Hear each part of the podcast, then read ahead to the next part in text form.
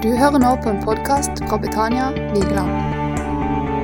Jeg ante at jeg var med på noe stort, men kanskje hvor stort det var, det tror jeg kanskje at jeg oppdaga litt etter hvert. Det andre bildet jeg har lyst til å dele med dere, er at jeg drømte mye når jeg var liten. Jeg sov veldig urolig. Jeg hadde mye uro og ble vekka ganske mange ganger av hjertebank og at jeg var veldig urolig. Da pleide jeg å tuste ned til mor og far. Og mor som firebarnsmor var nok ganske sliten. Lurer på det fider litt. Grann. Kan jeg stille meg lenger bak? Går det bra? Ja. Når jeg blir vekka, så lister jeg meg ned, eh, og så vekker jeg mor forsiktig. Og hun som en litt sliten småbarnsmor hun tok hånda og så la hun den oppå mitt hode. og Jeg knelte ned ved senga og så ba hun om at Herren måtte ta bort det som var vondt og det som var vanskelig, og at han måtte sende en engel til å passe på Dagrun. Og Hver gang så brakte det en god fred inn i et urolig barnesinn. Og jeg krøp sammen på den madrassen som lå nede forbi mor i sin seng, og så la jeg meg til å sove igjen. Nå har jeg ikke mor der, så når jeg nå våkner urolig Og etter hvert når jeg ble ungdom, så tørte jeg ikke lenger å gå ned. Og da fikk jeg det nydelige verset som står i salmene. I fred vil jeg legge meg ned og sove, for du, Herre, bare du lar meg hvile trygt. Og nå har jeg brodert det på ei lita pyntepude som jeg har liggende på senga. Jeg er ikke alltid så god til å reie opp, men den puta klarer jeg å legge på. Og Hver kveld når jeg legger meg, så tar jeg den puda og legger den til sides, og så ber jeg i Jesu navn. I fred vil jeg legge meg ned og sove, for du, Herre, bare du lar meg hvile trygt. Det tredje bildet jeg har lyst til å dele med dere, er at da jeg var liten, så hadde jeg en onkel som bodde på Madla. Og Hver sommer så pleide jeg å reise over til Madla og var sammen med mine søskenbarn. Eh, og der møtte jeg en annen tros- og bønnekvinne i mitt liv, og det var min tante. Hun pleide hver kveld å lære oss nydelige sanger som 'Så ta da mine hender' og 'Hvilken venn vi har i Jesus'. Og når jeg kom tilbake igjen til Kristiansand, så pratet jeg stavangerdialekt. Og så pleide jeg å synge, særlig i bilen, til stor irritasjon for min bror. Så sang jeg disse sangene høyt, og jeg kunne mange vers. Hvert andre eller tredje år så møtte vi den familien og hele, alle mine tanter og onkler på et sted som heter Brandøy på Vestlandet. Og Jeg fikk kjenne alle mine søskenbarn. Og jeg husker at farmor og farfar de var så opptatt av å be for alle, for de ville så gjerne ha alle med seg inn til himmelen. Og Farfar snakka ofte, han sto og preka til familien sin og sa det er et rom ferdig til dere i himmelen. Jeg husker at et av oldebarna, når farfar endelig ble henta hjem, så sa han det var godt Jesus endelig ble ferdig med det rommet som han har snakka så lenge om. I 1995 så var jeg aktiv menighetsjente. Jeg bodde på Hellemyr og var med i Grim menighet. Og jeg fikk lov å bruke alle mine evner i ungdomsmiljøet. Jeg var eh, leder i ungdomsklubben, jeg dirigerte barnekor, etter hvert så dirigerte jeg ungdomskor. Jeg var i russeavis og det at dagene på vei til eller fra et eller annet møte i den menigheten hun går. Og dette følte jeg at var mitt kall. Plutselig så løfta Gud meg ut av det livet.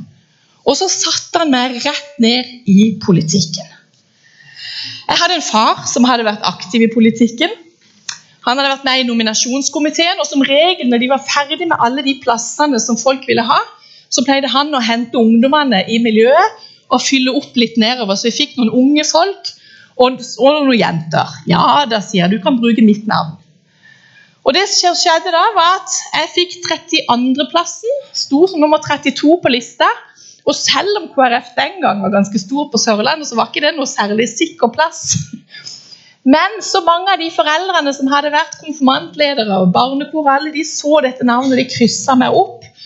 Og da ble jeg flytta plutselig helt ut av det som jeg virkelig følte at jeg levde ut Guds hele kall, til politikken.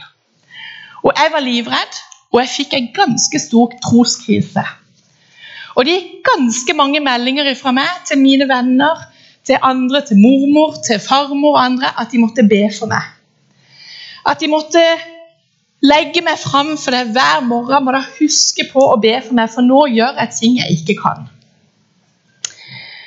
Og jeg visste det, at mormor og farmor og mor og tante Magda og alle disse, de, jeg visste at de er min bønnebunnplanke. De ber for meg, og de legger meg fram. Og så fikk jeg kallet litt tydelig tilbake. Det ene tror jeg var at Gud for første gang heiv meg ut på dypt vann. Før hadde jeg bare gjort alt det jeg var god til. Nå var jeg så avhengig av å knele ned for Gud hver eneste morgen. Og så fikk jeg be om nåde, jeg fikk be om visdom. Og av og til var det bare 'please, la meg overleve det jeg nå skal inn i'.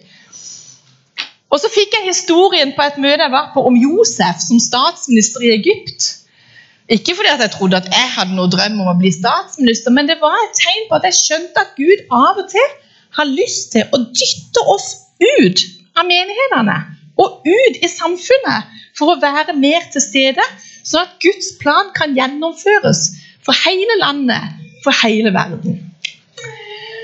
En gang så husker jeg at jeg vurderte veldig seriøst om jeg skulle reise til fjells. Jeg var ganske ny på Stortinget.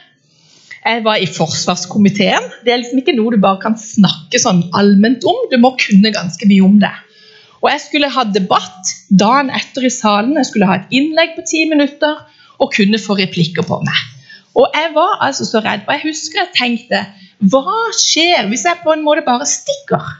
Hvis jeg da bare forsvinner opp på fjellet et eller annet sted eh, vi hadde, Min mann hadde hytte hvor jeg visste at ikke det var noe dekning. Der kan jeg være, gjemme meg. Og så liksom til våren kan jeg komme tustende ned og se hva som skjedde. Jeg var livredd. Jeg tror Gud så det. Plutselig så ringte det en sånn telefon fra eh, Forsvarsdepartementet. Der satt det en statssekretær som het Ommund Heggheim. Etter at han var ferdig med alt til statsråden, så hadde han plutselig tenkt er det noen som har hjulpet Dagrun. Så sier han har du, har du fått noe hjelp. Nei, sier han, jeg har ikke fått noe hjelp. Jeg sier jeg vet ikke, Hvis noen bare kan si hva jeg skal snakke om, så skal jeg finne tema. For jeg er ganske god på det. Men jeg må vite liksom, hva er viktig her. Og så sa han du, gi meg et kvarter, så skal jeg fakse over. Og til dere unge der kan spørre foreldrene for fakse. Men da faksa han over en disposisjon til meg som kom ut på maskinen på kontoret, og så satte jeg meg ned og så jobba jeg. Og klokka halv to om natta kunne jeg legge meg på sofaen på Stortinget og vite at jeg hadde et manus som skulle kunne klare å holde dagen etter. Jeg hadde lyst til å rope til han halleluja når han sa det, men istedenfor tror jeg nok jeg brukte sånn Å, du er som sendt fra himmelen. Og jeg har sagt til han etterpå hvor virkelig han var sendt ifra himmelen. Så ble jeg da i dette livet som politiker faktisk i 20 år. Jeg opplevde mye mening og mye tøft. Og mye utfordrende, mye spennende og veldig. Men hver dag var en trosstyrkelse i mitt private trosliv. Jeg fikk bety noe for mange av kollegaene mine. Jeg fikk av og til være med og prege samfunnet. Og jeg fikk være til stede med de verdiene som jeg hadde fått med gjennom mitt trosliv i hverdagen.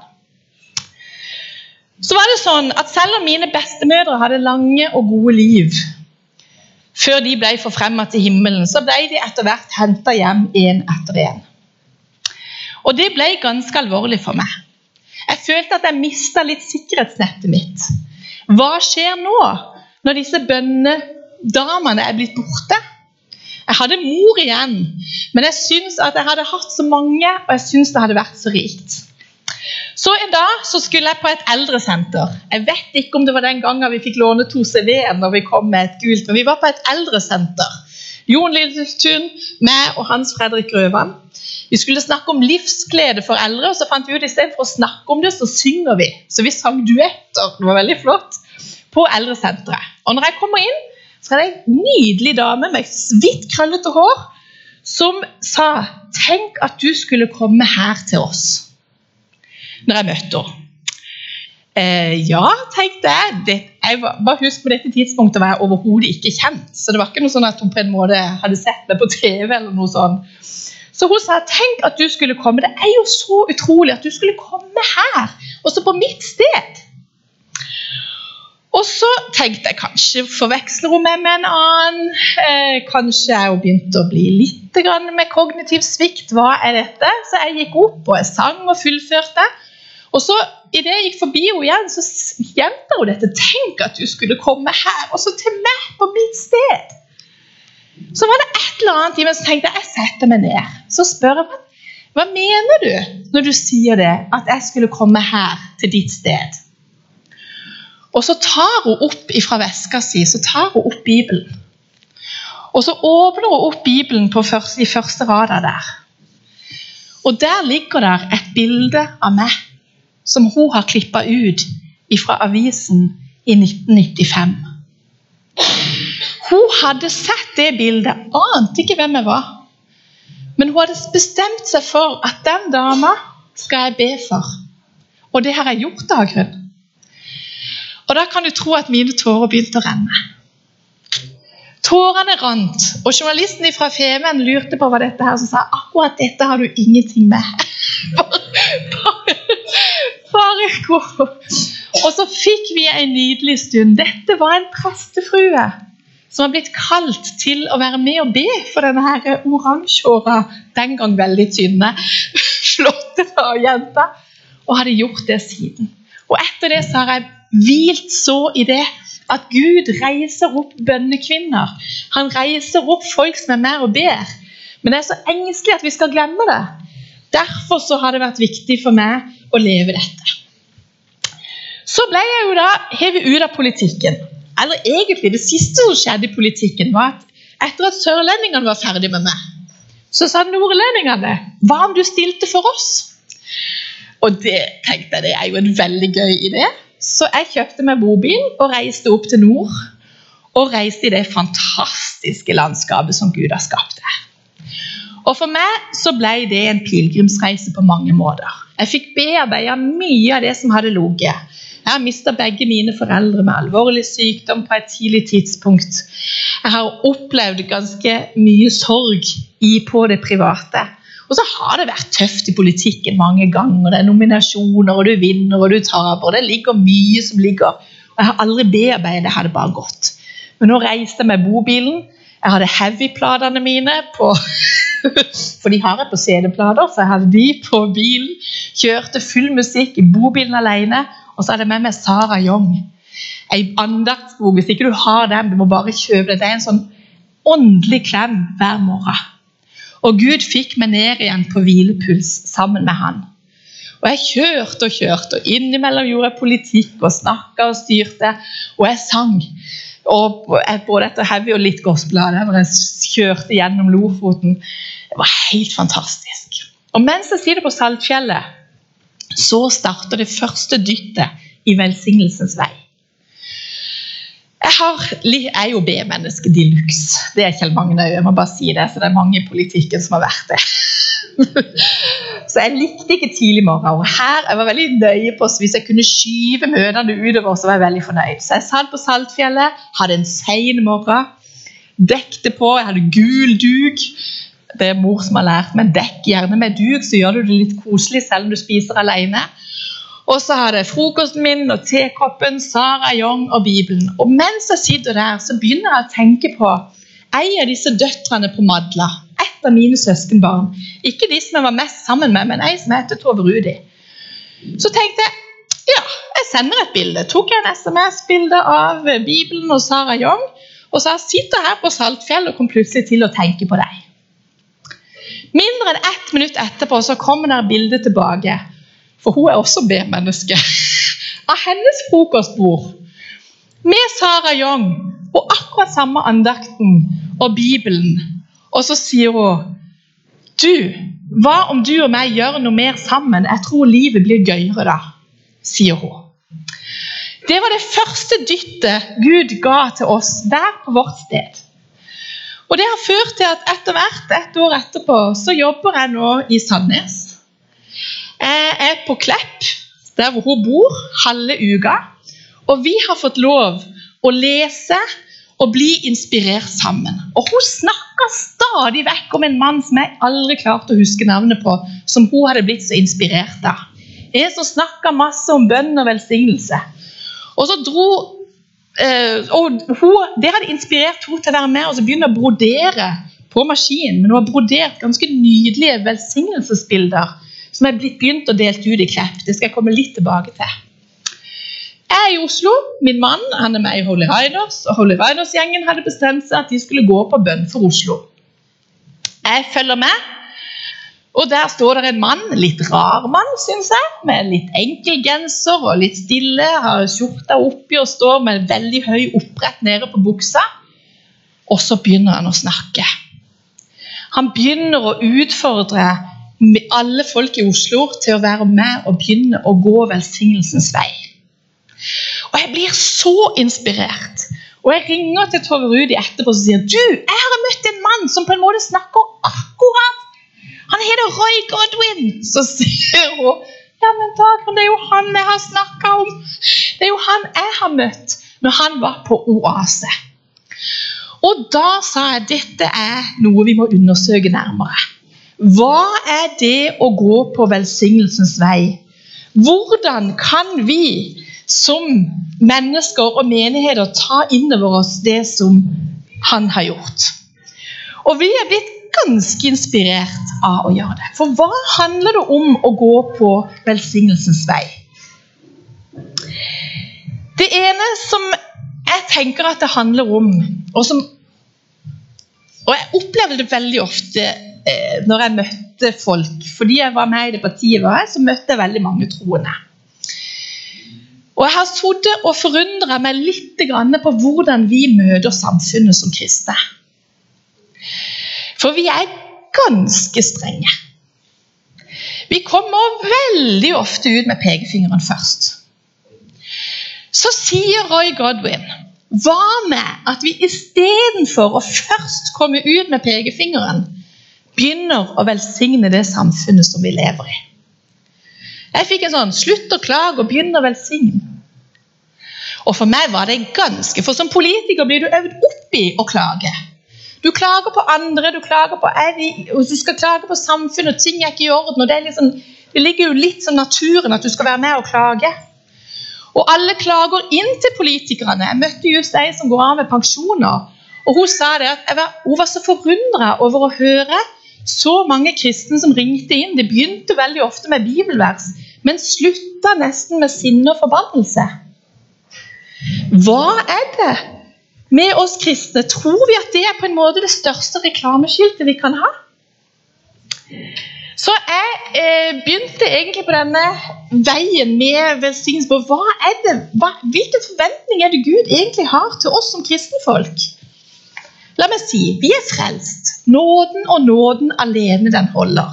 Det har vi sunget så deilig om flere ganger. Det er nåden og nåden alene som har sikra himmelbilletten. Men jeg ønsker meg jo at vi skal være de plakatene som gjør at det er flere som ønsker å være med.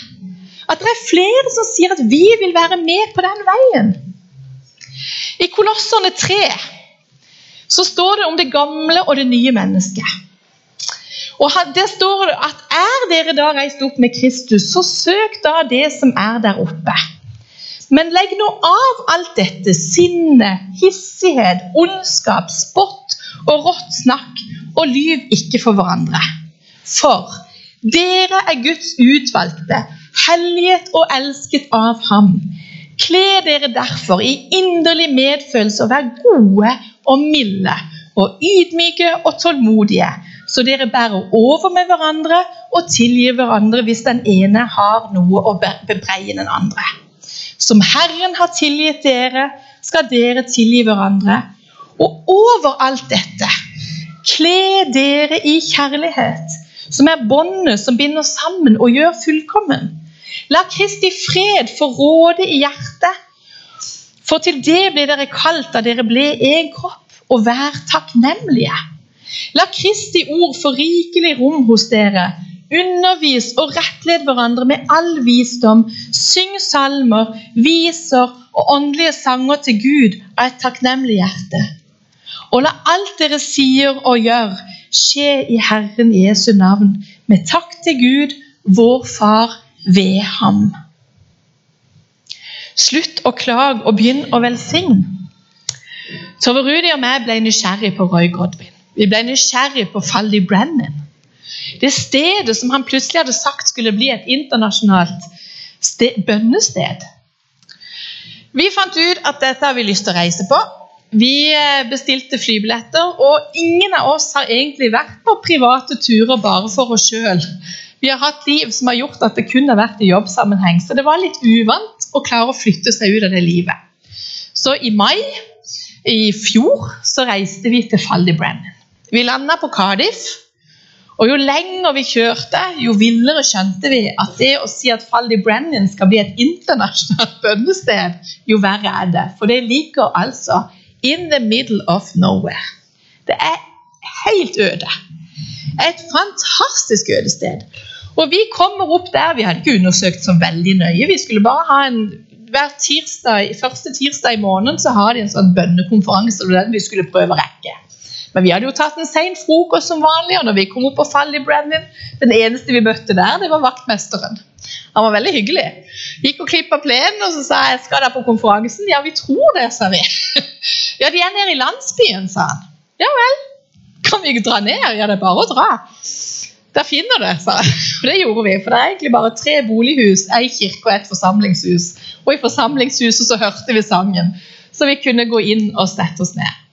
Det kjempespesielle er at vi sier jo ikke til noen hvem vi er og hvor vi kommer fra. Men idet vi kommer inn, så sier, begynner Roy Godwin å snakke om Norge. Han begynner å snakke om at han har fått en så sterk visjon om at kristenfolket i Norge skal begynne å gjøre noe nytt.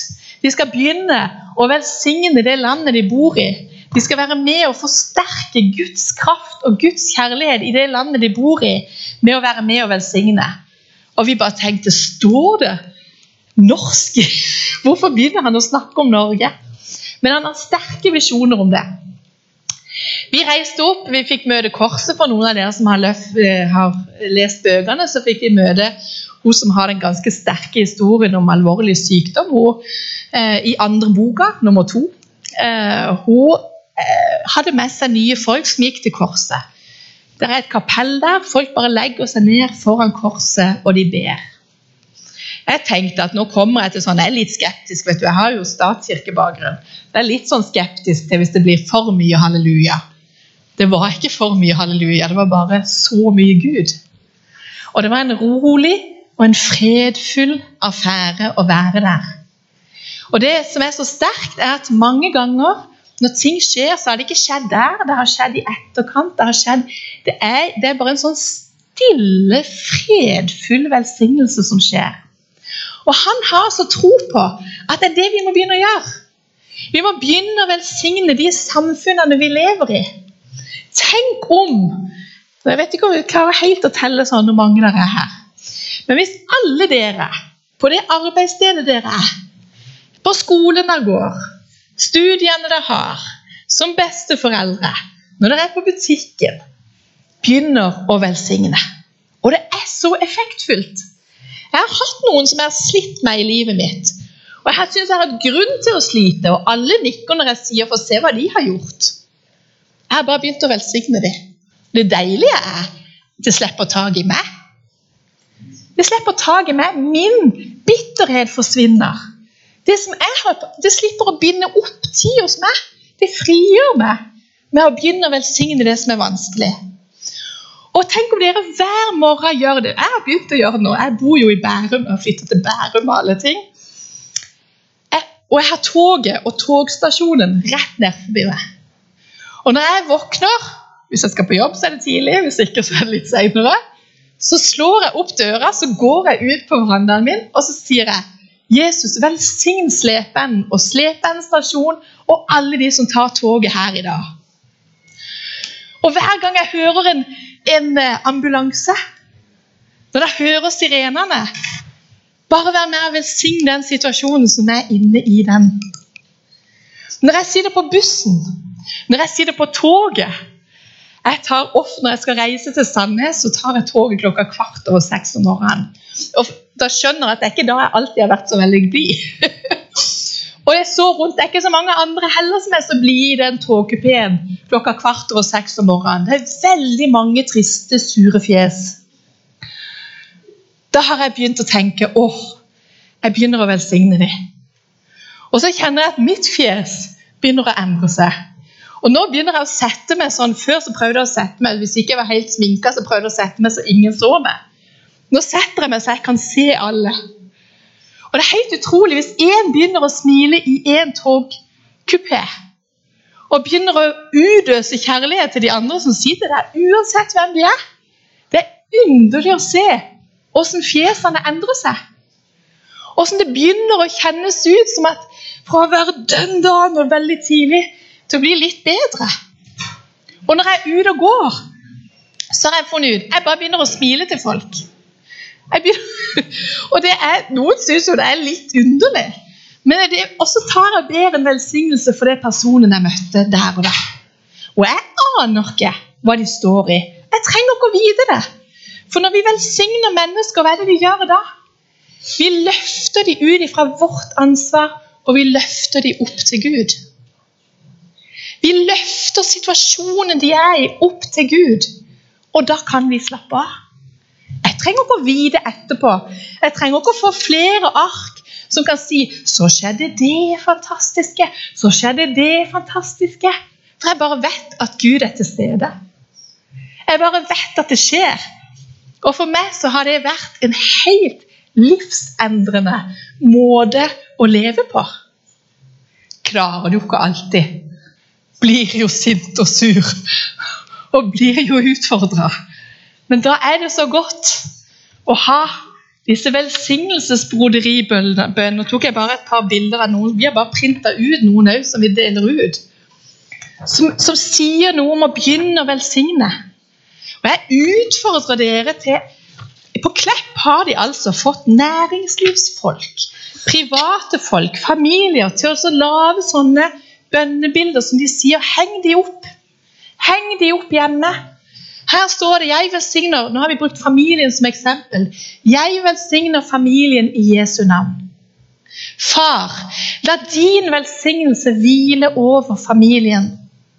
La din Hellige Ånd være med familien, og Herrens velsignelse komme til alle i familien. Amen. Tenk om du hadde den hvor det sto 'Jeg velsigner Vigeland' i Jesu navn. Far, la din velsignelse hvile over Vigeland. La din hellige ånd være med Vigeland, og la Herrens velsignelse komme til hele og alle på Vigeland. Amen. Tenk om vi ba det hver morgen. Tenk om du åpna døra der du bor, og velsigna det som skjer. Det kommer til å skje ting på Klepp, hvor det nå er 200 bilder ute. Nå er familiesamlingene fulle. Når de inviterer til middag, så kommer det utrolig mye folk.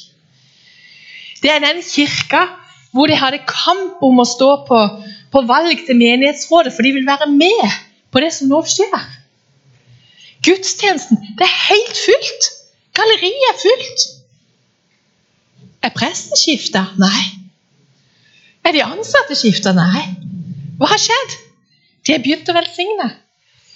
Og det er det jeg tror vi skal gjøre. For en kraft vi sitter på som kristenfolk. Hvis vi begynner å ut og velsigne dette landet vi bor i, og vi begynner å velsigne utover våre landegrenser, så vil vi igjen kunne si at Norge er et velsigna land. Det er ikke politikere som klarer å sikre en velsignelse av dette landet. Ja, de kan gjøre mye med lover, de kan gjøre mye med regler. Men det er vi som kan være med og velsigne dette landet til å bli det det skal være. Til alle de som kommer til landet vårt. At de skal få kjenne at de nå hører til. At de har fått et sted hvor det er velsignelse som møter dem, og ikke hat. Til alle de som strever og sliter i hverdagen. De skal få oppleve et kristenfolk som ikke først og fremst kommer med pekefingeren og sier 'der falt du'. Jeg sier ikke at ikke vi skal si at noe er rett og noe er galt, for det tror jeg veldig på. At vi skal ha verdier og ting som er rett og galt. Men hvordan skal vi på en måte få folk med oss inn? Det er Gud og Guds ånd som skal overbevise mennesker om deres synd og det som skjer. Men vi skal være de reklameplakatene som gjør at folk sier det som de har, det har jeg lyst på. Så for meg så har livet begynt å handle om bønn. Det har begynt å handle om velsignelse. Og den tredje tingen det har begynt å handle om, det er glede. For jeg syns vi skal være litt klare når vi er ute. Jeg tenker sånn, og meg og Tore Rudi, som nå er på denne vi bønnesøstrene kaller vi oss, som er på denne reisen sammen Vi er nok kjent for at vi ler mye og er. Hun opplevde utrolig sterkt Hun hadde vært nede i Thailand på et prosjekt og hadde møtt noen som overhodet ikke hørte det tro. Hun hadde prata, ikke prata så mye, og så etterpå så hadde de sagt de der, den gleden som hun har, den vil jeg ha. Og ikke mange år etterpå så har hun vært Denne dama ble døpt, og nå er hele hennes familie med. Jeg vil ha den gleden som du har. Så husk på Reis opp, bønnemennesker. Vær med og be. Husk på at velsignelsens vei, det er Guds kraft til å endre dette samfunnet. Og så husker vi på at vi smiler litt når vi gjør det. Så når folk ser oss, så tenker de det har jeg lyst på. Det som hun har, det som han har, det har jeg lyst på. Og da kommer de, og da spør de.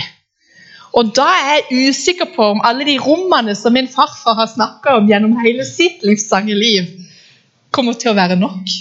Jeg tror vi òg må begynne å snakke om å forberede flere rom sånn at vi får med oss flere. Himmelen er vårt ultimate mål, men Gud har utfordret oss til å være med og skape himmellignende tilstander her vi bor. Vær med og velsign dette landet. Også våre egne folk må lære å gjøre gode gjerninger, sier Paulus til Titus, og hjelpe der det trengs, så deres liv ikke skal være uten frukt. Og I Kolosserne 4,3 så kan vi lese om bønn og vennlige ord. Om hvordan vi som, som kristne skal møte de vi kjenner. Velsigne deg, båndet mitt, sa mormor alltid. Og det har jeg lyst å avslutte som jeg begynte med å si. Velsigne dere. Herren velsigne deg og bevare deg. Herren velsigne Vigeland og bevare Vigeland. Herren velsigne Lindesnes og bevare Lindesnes. Herren la sitt ansikt lyse over deg, over Vigeland og Lindesnes og Norge, og være oss nådig. Herren, løft ditt ansikt mot oss på Vigeland, på Lindesnes og i Norge og i verden, og gi oss din fred. Herre, da vil du sette ditt navn på oss og du vil velsigne oss. I Jesu navn. Amen.